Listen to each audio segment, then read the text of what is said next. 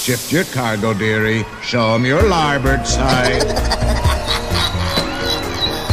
Ik heb persoonlijk kunnen vaststellen dat het paleis werkelijk een lust is. Final arrangements may be made at the end of the tour. Het is weer ochtend in Pretparkland. Goedemorgen pretparkland en welkom bij je ochtendelijke pretpark podcast. Mijn naam is Erwin Taats en Thibaut Renodijn en ik waren afgelopen weekend in Efteling.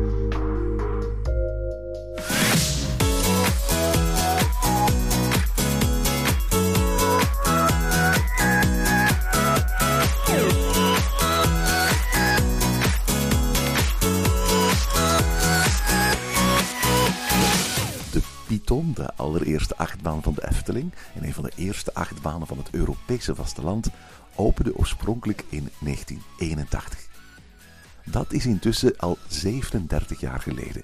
Wilde de Efteling de baan de komende jaren operationeel houden, dan bleek uit onderzoek dat een grondige renovatie aan de orde was.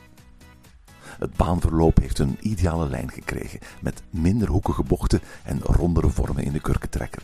Het station, de oorspronkelijke lifthill en de eerste drop werden behouden, maar de rest van de baan werd volledig vernieuwd.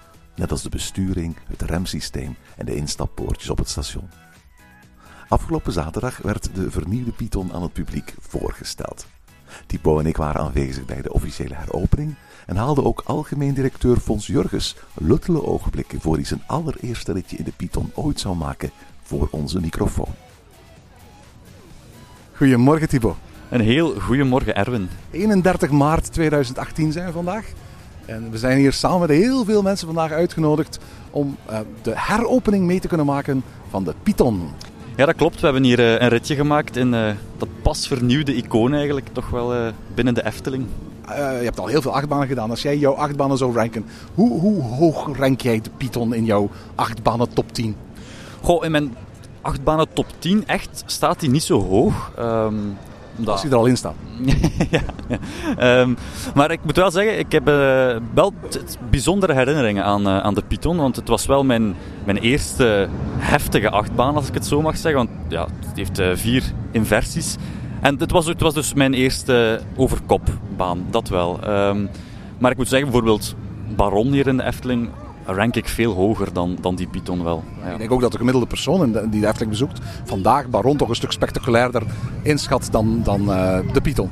Ja, al moet ik wel zeggen dat ik, ehm, als ik het zo een beetje bekijk en ik, en ik hoor zo wat reacties soms van mensen die naar de Efteling komen, of ik, of ik hoor andere jongeren eh, daarover bezig die op zoek zijn naar thrill, dan heeft die Python wel een redelijk hoge status binnen eh, die zoektocht naar heftigheid binnen eh, de Efteling. Ja, het is wel opvallend hè, hoe zo'n zo'n Grand Dame van 37 jaar oud nog altijd bij wijze van spreken heel prominent door de Efteling gebruikt wordt in, in marketing, in, in, in, posters, in, in, in, in reclamespots. Voor veel parken, ja, als ze al een achtbaan van 37 jaar nog zouden hebben staan, zou dat absoluut niet meer bij wijze van spreken de grote publiekstrekker zijn, of in elk geval het, het grote, grote gezichtspunt.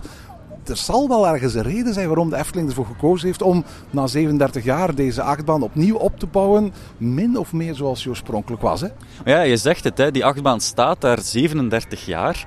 37 jaar geleden was dat een, een gigantische stap voor die toen nog heel kleine Efteling. Hè. Ehm, Ja, want voor alle duidelijkheid, op dat moment was de Efteling een lokaal, een regionaal sprookjespark. Alle echte attracties in het park hè, dateren van na de Python. Hè? Ja, die Python is een echt startschot geweest eh, voor de Efteling. Eh, en die, die trill die dat de Python eh, met zich meebracht, die, ja, die sloeg ook wel aan. Want daarna zijn er dan attracties zoals de Halve Maan gekomen en zo. Ehm, en je merkt ook wel dat de Efteling zelf ook die iconische status van de Python blijft behouden. Ik heb de Efteling zelf uiteraard nooit meegemaakt zonder Python, maar ik herinner mij wel menig bezoek als kleine jongen dat ik eigenlijk niet in die Python mocht of durfde. En dat ik eigenlijk met grote ogen van verbazing, maar ook tegelijkertijd met ogen van angst naar die enorm imposante constructie aan het staren was. En ik weet niet of ik echt aan het uitkijken was, want ik was absoluut een beetje een angsthaas vroeger, naar het moment dat ik in die Python kon. eh, kon. Ik weet dat daar mensen zijn die daar die kinderen hebben, die daar naar aftellen telden vroeger, hè, tot wanneer ze 1,20 meter waren en in die Python konden.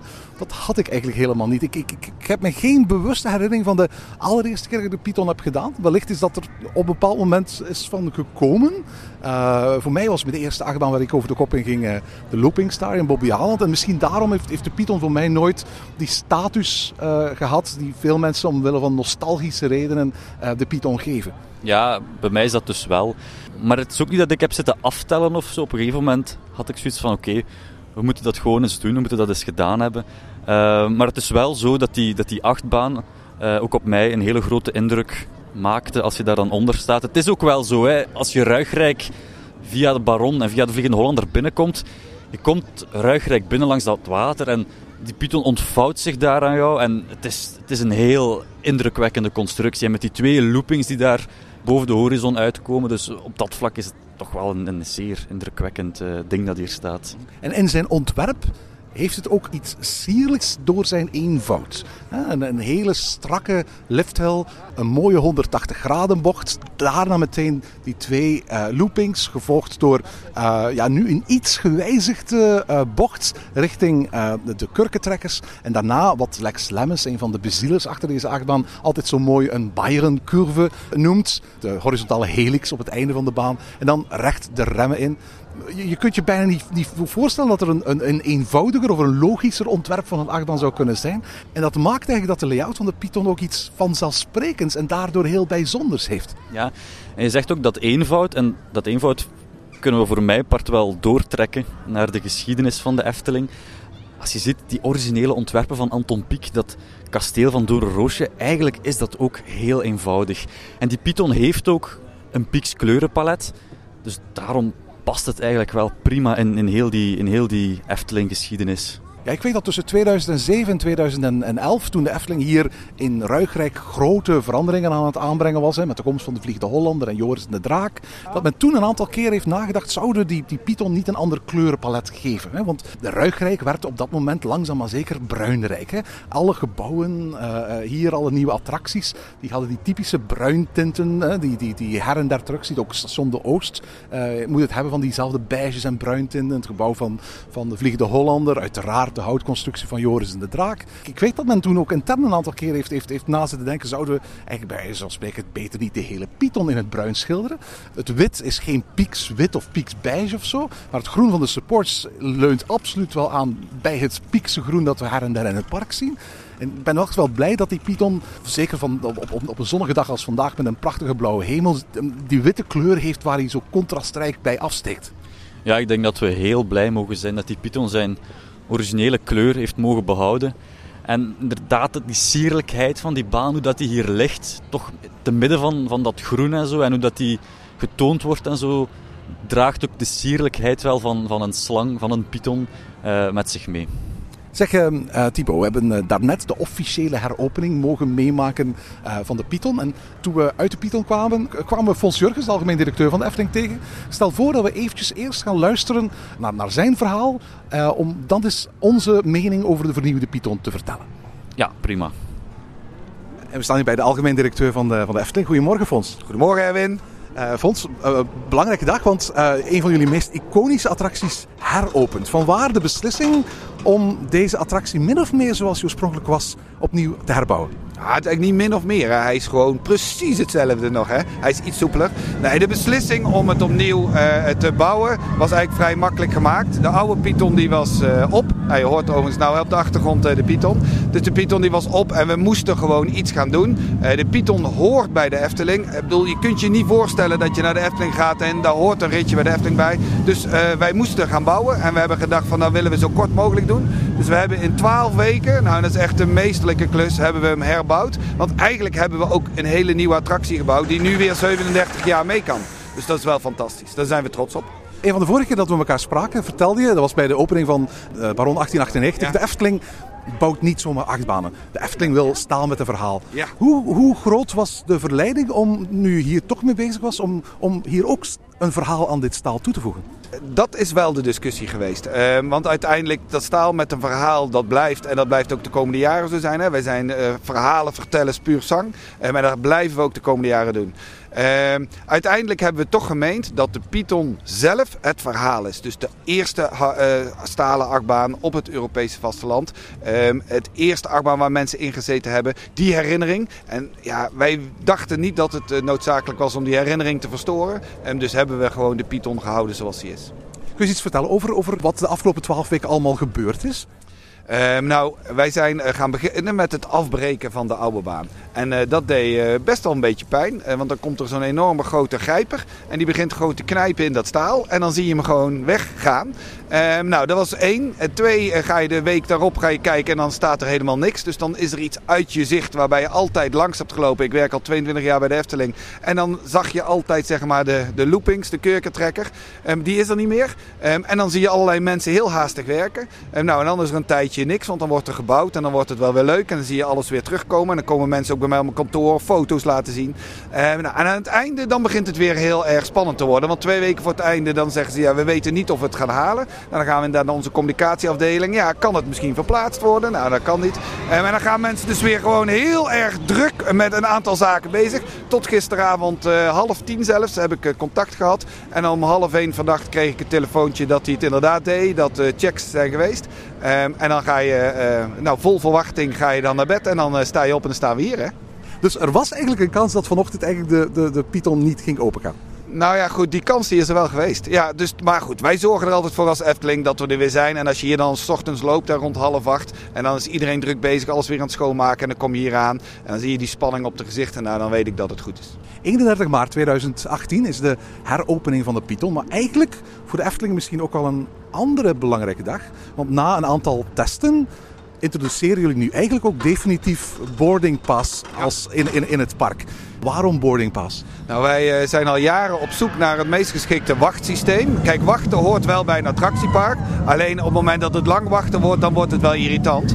Ehm, nou, we hebben geprobeerd ehm, op allerlei verschillende manieren dat wachten te veraangenamen. Door middel van spelletjes, entertainment, die wachtrij heel erg mooi te maken. Maar dat bleek toch niet de oplossing te zijn. Eh, we hebben natuurlijk ook heel de wereld rondgereisd om te kijken bij andere attractieparken nou, hoe dat is. Hè, hoe andere parken dat oplossen. Maar we hadden niet het systeem gevonden in de wereld. Ehm, en zijn toen zelf gaan knutselen. En uiteindelijk zijn we gekomen bij het boardingpas. Hebben we een proef gedaan. Vorig jaar met de Python. Eh, maar die proef die is gewoon uitermate goed geslaagd. Eh, die proef hebben we afgelopen tijd ook bij Symbolica gedaan. Is die goed geslaagd? Ehm, ja, nou, die, eh, bij Symbolica is die eh, niet zo goed geslaagd, zou ik zeggen, als bij de Python. Dus wat we gemeend hebben is, we gaan hem definitief introduceren bij de Python. En die komt nu ook hier, hij staat er ook. En we gaan nog kijken wat we, welke aanpassingen we zouden moeten doen bij Symbolica om daar ook de boarding pass toe te passen. Mag ik eens iets vertellen? Ik heb onlangs The Day After Tomorrow gelezen van Steven van Bellegem. En daarin las ik een toekomstbeeld van de Efteling. Waarin je zei van eigenlijk hè, moet de hele ervaring van de Efteling vooraf plaats gaan vinden. Mensen moeten vooraf een kaartje gaan kopen. Via sensoren moet dan gecheckt worden in hoeverre mensen betaald hebben. En eigenlijk moeten ze ook kunnen, voor zo'n beetje op basis van persoonlijke voorkeuren, een hele dag van tevoren plannen. Mag ik eerlijk zijn? Het lijkt mij niet zo'n fijne gedachte. Nee, dat kan, dat je dat nu vindt. Eh, daarom is het ook de day after tomorrow. Eh, dus wat we geprobeerd hebben is een steen weg te gooien richting 2030. En kijken hoe mensen er dan in staan en hoe men, wat mensen dan leuk of niet leuk vinden. Ehm, en het enige wat daarvan de bedoeling is, dan gaan we weer terug hè, naar de dag van vandaag. En dan kijken we in onze ontwikkelingen ehm, hoe wij daar in ieder geval met dat eindbeeld eh, voor ogen, hoe wij daar naartoe kunnen gaan. En tuurlijk, het zal nooit zo zijn zoals ik het nu geschetst heb. Wat we alleen wel zien is dat mensen steeds persoonlijker geholpen willen worden. Steeds ongeduldiger worden. Steeds minder lang geconcentreerd eh, kunnen zijn. Ehm, en steeds nogmaals sneller dingen voor elkaar willen hebben. En steeds meer seamless. Dat is ook zo'n mooi woord hè, daar eh, uit zijn boek. En dat willen mensen wel. Dus ik denk ehm, of nou een hele eh, rit of een hele dag gepland wordt. Daar kunnen we vragen over stellen. Wat ik zeker weet is dat mensen in ieder geval het wel heel prettig vinden. Dat als ze hier aankomen. Dat ze niet voor de kassa moeten wachten. Niet voor de controle moeten wachten. Dat ze zeker weten dat ze in de Python kunnen gaan. Nou, dat, dat soort zaken denk ik wel dat mensen heel erg prettig gaan vinden. Alright, test is gebeurd bij Symbolica. Boarding Pass is nu geopend bij de, bij, bij de Python. Wat is op dat gebied de volgende stap die de Efteling gaat zetten? Nou, wij gaan eh, kijken waar we de boardingpas eh, eventueel nog verder kunnen inzetten. Dus we zullen nog een aantal proeven gaan doen. Maar dat is niet het enige. Er zullen ook nog een heleboel andere proeven zijn met betrekking tot dat seamless. En dan zullen we de komende jaren zullen we dat gaan doen. Dus met andere woorden, die, die 31 maart 2018 is misschien wel nog belangrijker dan de heropening van de Python. Misschien wel de start van een ja, veel digitalere, seamless Efteling-beleving. Nee, ik vind 31 maart 2018 is voor ons echt een milestone met de opening van de Python. En die Python die hier over 37 jaar nog staat. En die hebben wij kunnen nalaten aan ons nageslacht. En als ik straks uh, ooit nog kleinkinderen mag hebben, dan loop ik hier rond en dan ga ik met mijn kleinkinderen in de Python. En tot zover uh, de reactie van uh, Fons Jurgens. Ja, Erwin, we hebben uh, zo net eigenlijk ons eerste ritje meegemaakt in die uh, vernieuwde Python. Wat vond je ervan? Ja, het is de Python, hè? Ja, dat klopt. Ik bedoel, je, je, je, je, leeft mee naar, naar, naar, naar, naar zo'n moment. Ja. Wekenlang zijn ze bezig uh, met, met allerlei foto's online te zetten. Volg je dat een beetje op Facebook en op Twitter en dan stap je erin. Het zijn dezelfde treinen, het is hetzelfde station. Het is nagenoeg dezelfde baan. Ik, het, het, is de Python. Ik bedoel, het is niet dat daar in één keer een extra inversie zat of dat daar een tunneltje is bijgebouwd. Uh, maar wat is die soepel geworden? Ja, dat klopt wel. Hè. Het, grootste verschil, denk ik, is toch wel ja, de smoothheid van de baan, die toch in grote mate is, is toegenomen. Ja. En wat ook tof is, na de tweede looping uh, zat daar vroeger zo'n knikje in.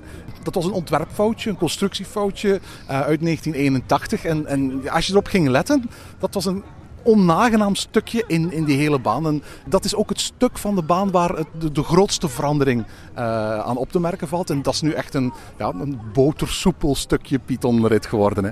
Ja, dat klopt. Ik weet nog als je er vroeger in zat en je ging naar die eerste looping, dan begon de kart zo te schudden en dan moest je echt die beugel stevig vasthouden. Maar als je er nu in zit, is echt ja, heel soepel eigenlijk. Wat voor de rest natuurlijk uh, opvalt, dat is dat de Python er ook anders uitziet. Dan heb ik het over de tracks van de uh, Python zelf. Het Python-spoor, het gedeelte met de, de, de lift hill en dan de, de, de first drop. Dat is exact behouden zoals het vroeger was. Het is dezelfde constructie, het is gewoon herschilderd. En ergens zo'n beetje aan het, aan het einde van, van, van de first drop, net vlak voor je de eerste looping ingaat, daar neemt als het ware volledig nieuw spoor het over. Hè?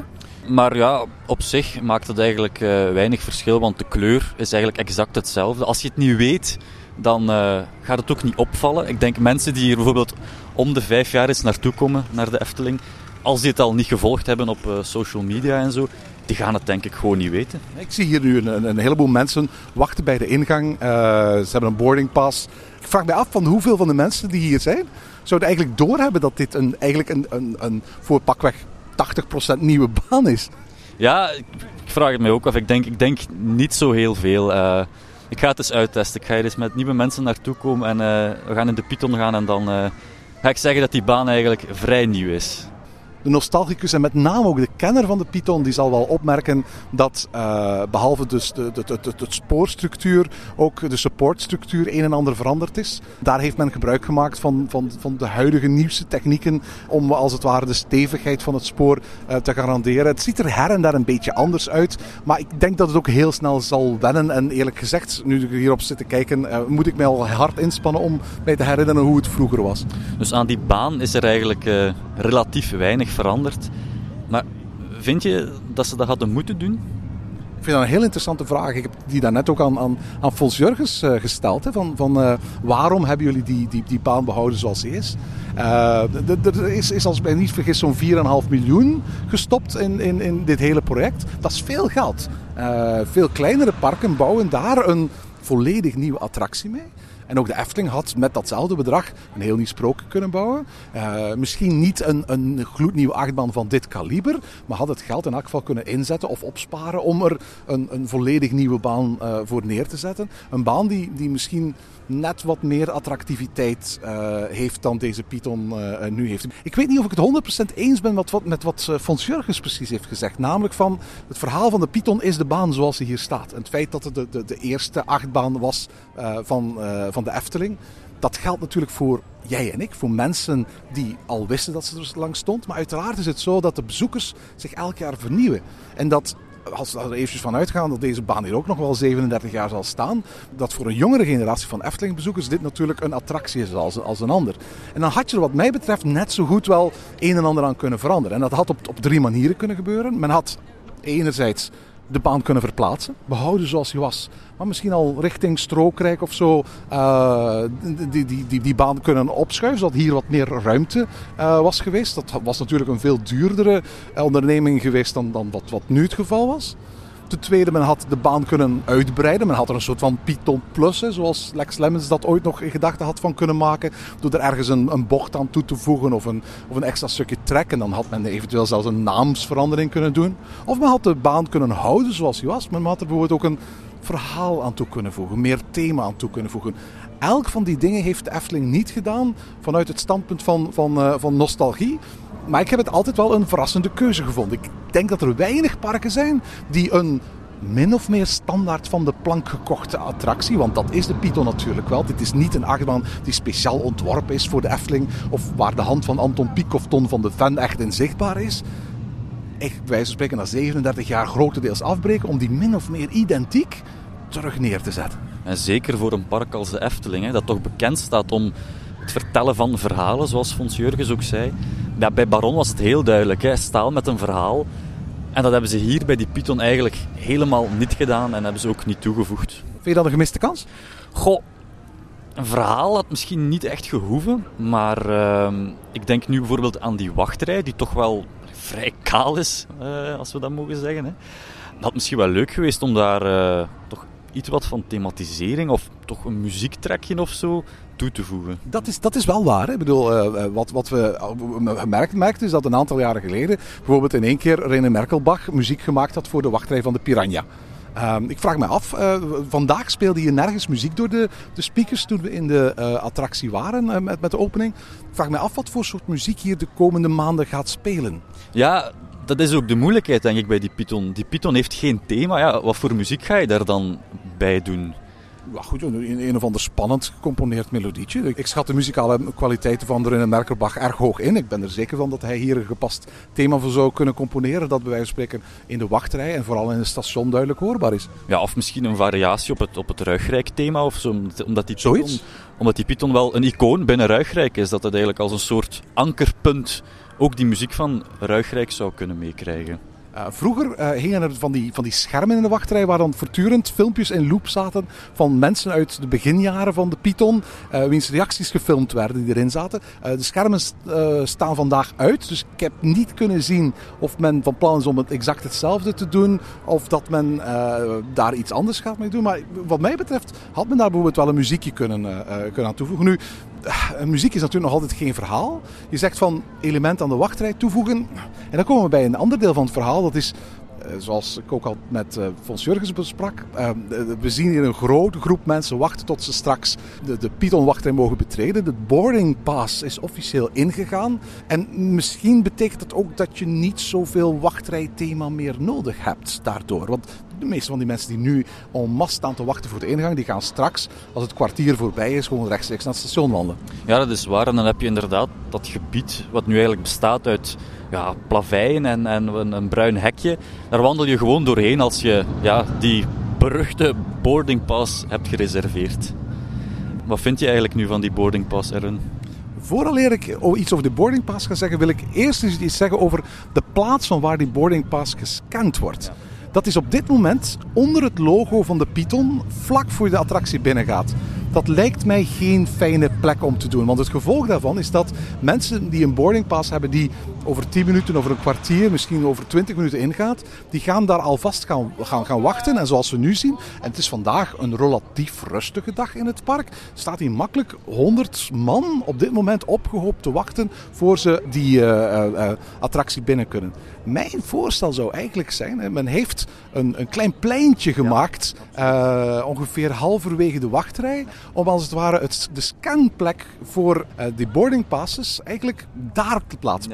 Zodat de mensen eigenlijk daar kunnen wachten en niet op het pad voor de Python, zodat de doorstroming hier en bij, bij uh, het wandelpad hier vlak bij de Oost een stukje beter is. Dat pleintje dat daar ligt, dat, dat heeft nu geen functie, maar mijn tip zou zijn voor de Efteling: verplaats je, je, je, scanapparaten naar het gedeelte van de wachtrij dat start op dat pleintje. En laat mensen die eventueel willen wachten, daar wachten. Ja, inderdaad. Want wat je nu krijgt is eigenlijk een vrij absurde situatie. Je hebt eigenlijk een hele lege rij en een heel leeg pleintje vlakbij het station van de Python.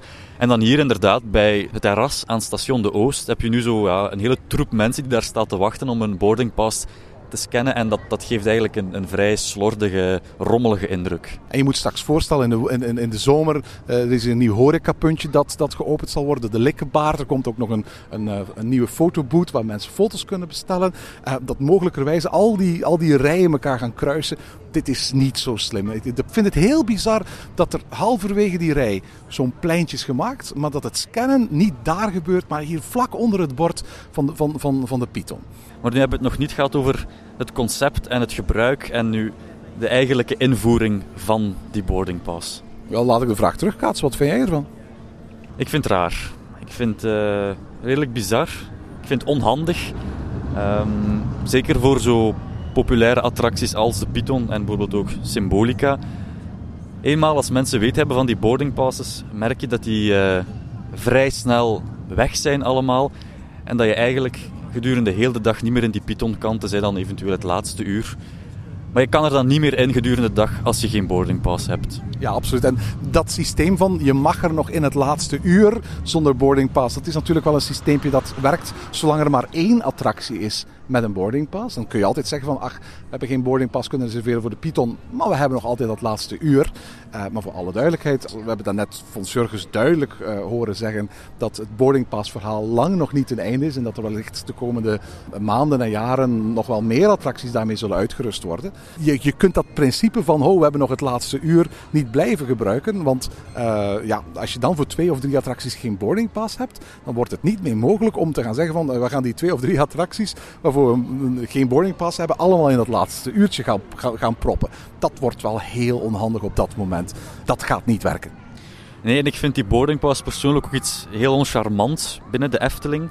Voorlopig zitten we maar met één attractie, de Python, die het gebruikt. Ik huiver bij de gedachte als ik straks voor vier, vijf attracties een boardingpass zou moeten reserveren. En dan ook nog eens de hele tijd aan die tijd zitten te denken. Als je dan toevallig in het Sprookjesbos rondloopt en je krijgt ineens een melding. Ah ja, binnen een kwartier moet je daar zijn om je boardingpass te gebruiken. Lijkt mij heel stresserend en heel onaangenaam. We hebben natuurlijk in andere parken, Disney voorop, de, de, gelijkaardige systemen gezien. Het is natuurlijk wel zo dat het grote verschil bij alle andere parken ter wereld is dat je behalve die, dat fastpass systeem of het quickpass systeem, dat je daar altijd nog een standby rij hebt. Dus dat je altijd de keuze hebt van Um, um, als ik geen fastpass kan krijgen, dan kan ik eigenlijk op elk moment van de dag nog altijd gewoon de gewone wachtrij uh, doen. De Efteling is bij mijn weten het enige park ter wereld dat kiest voor de optie om geen standby rij meer te hebben. Ik vind dat een hele bijzondere keuze en het, het, werkt denk ik wel voor één attractie. Zolang de Python de enige attractie is waarbij het, waarbij het is, dan ga je ofwel voor die Python zeggen van oké, ik ga een boardingpass reserveren. Kun je geen boardingpass reserveren omdat alle boardingpasses op zijn, dan heb je nog altijd dat laatste uur. Mijn vraag is, is eigenlijk vooral, zodra er straks drie of vier of vijf of zes attracties zijn, hoe gaat het werken? Ga ik tegelijkertijd drie of vier boardingpasses kunnen bezitten? Of ga ik pas mijn nieuwe boardingpass kunnen maken nadat mijn vorige verlopen is? Hoe gaan die attracties zich combineren met elkaar? En wat voor invloed zal dat hebben? Uh, zolang er één attractie is, heb ik er op zich geen super groot bezwaar tegen. Mij lijkt de afwezigheid van een standby line het vooral heel complex te maken zodra je meerdere attracties gaat toevoegen aan dat boardingpass systeem. Ja, en ik denk dat het ook voor de gast die iets minder bezig is met de Efteling dan wij, iets heel verwarrend kan worden. Ik kan me niet goed voorstellen hoe je dat dan moet aanbrengen als mensen hier toekomen en ze merken dat ze voor vier, vijf attracties een pasje moeten gaan reserveren. En dan ja, moet, moet je dat aan hen uitleggen. Ze moeten dat dan begrijpen en dan moeten ze dat nog doen. En, lijkt mij iets, iets heel onpraktisch om, om zomaar op zoveel attracties toe te passen. En zeker dan um, als die attracties ook nog eens geen normale rij krijgen buiten die boardingpass. Dat is, dat, is, dat is het vooral. Hè. Die afwezigheid van een standby uh, rij is een keuze waarvan ik dacht altijd van, daar gaat de Efteling op terugkomen. Ze gaan die test doen bij de Python, ze gaan die test doen bij, bij, bij Symbolica. Ze gaan merken dat het publiek van de Efteling het eigenlijk best wel fijn vindt om timeslots te reserveren. Want in tegenstelling tot wat jij nu zegt, geloof ik bijvoorbeeld wel uh, dat mensen er anno 2018 niet een super groot bezwaar tegen hebben om een iPhone of een smartphone uh, te gaan gebruiken in de Efteling. Maar ik kan me wel voorstellen als het gevolg is dat ze bepaalde attracties daardoor niet kunnen doen, dat men op dat moment wel boos gaat worden. Nu heeft de Efteling eigenlijk tot nu toe alleen nog maar tests gedaan met één attractie. Ofwel was het de Python, ofwel was het Symbolica. Men heeft nooit tests gedaan met het systeem waarbij er meerdere attracties tegelijkertijd gebruikt we- werden. En ik vraag mij eigenlijk wel af of, of, of men voldoende heeft nagedacht wat daar de gevolgen van zullen zijn. Bovendien vraag ik mij ook af, eh, eh, Fons Jurgens vertelde dat de tests met Symbolica wat minder goed waren uitgevallen. Dat men is geen nadenken over het andere systeem. Maar je, je, kunt toch niet voorstellen dat Efteling per attractie een ander soort van boarding pass systeem gaat, gaat, gaat bedenken, bij wijze van spreken. Want dan maak je het pas heel complex. Hè? Ja, dan, dat lijkt mij een heel, een heel absurde situatie. Wat ik wel denk inderdaad, is dat het een goed idee zou zijn om het bij meerdere attracties te testen. Bijvoorbeeld ook bij een, een echte publiekstrekker, zoals Droomvlucht of zo. Lijkt mij ook echt een attractie waar ze dat in de toekomst eh, bij zouden kunnen uittesten. Ja, zeker wel.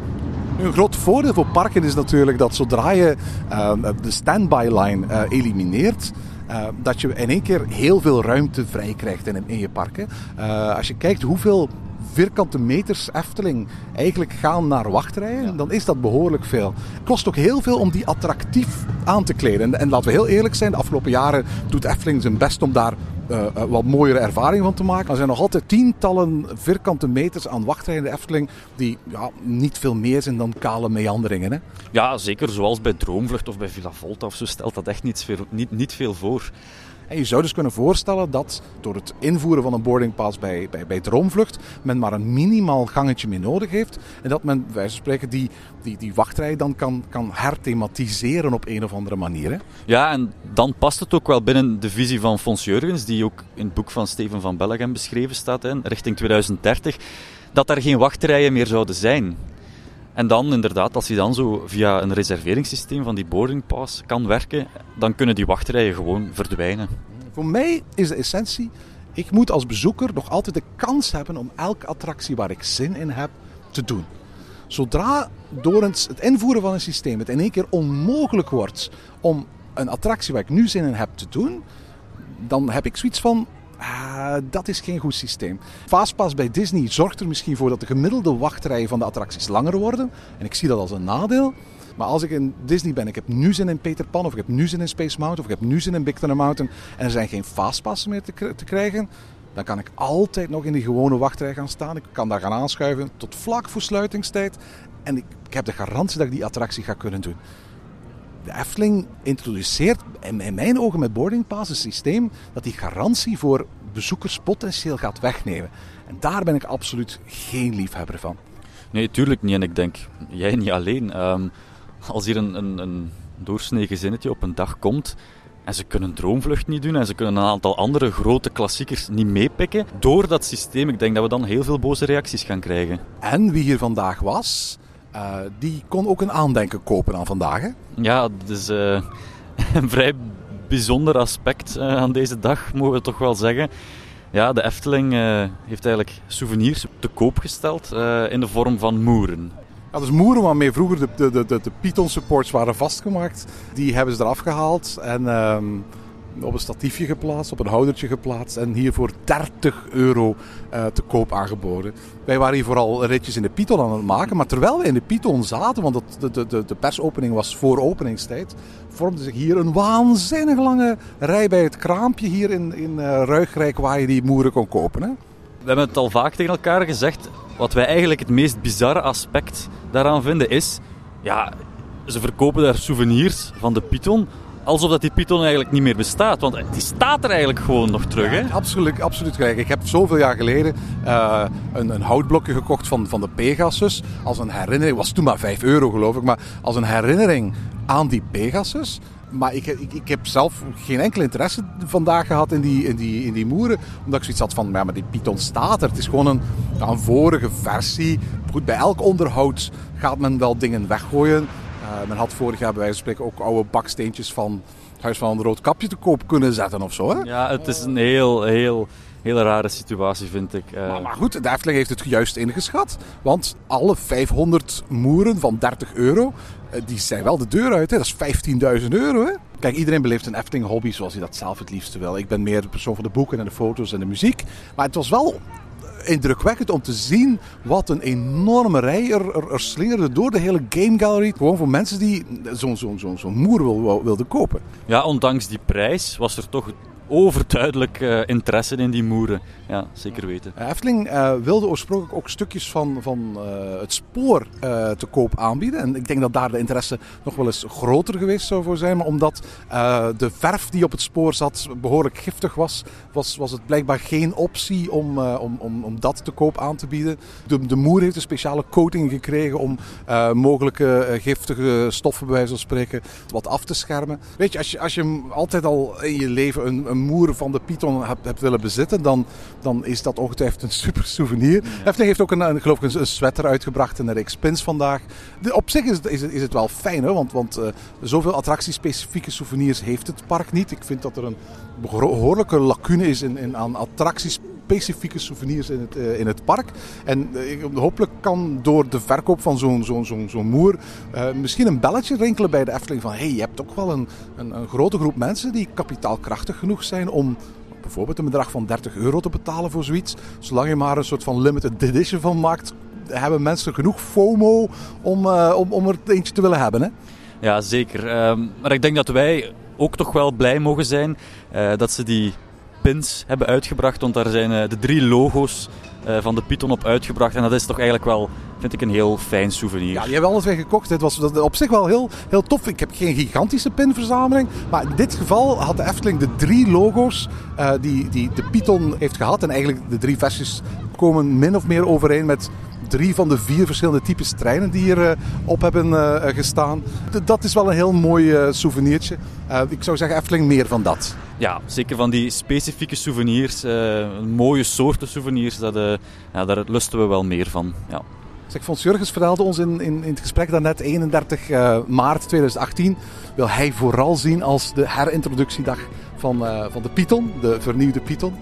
We hebben nog een boardingpas. Wat zou je ervan denken om nog eens een, een, ritje te maken en ons hier in de meute wachten te gaan scharen voor als we uh, zo meteen die Python kunnen doen?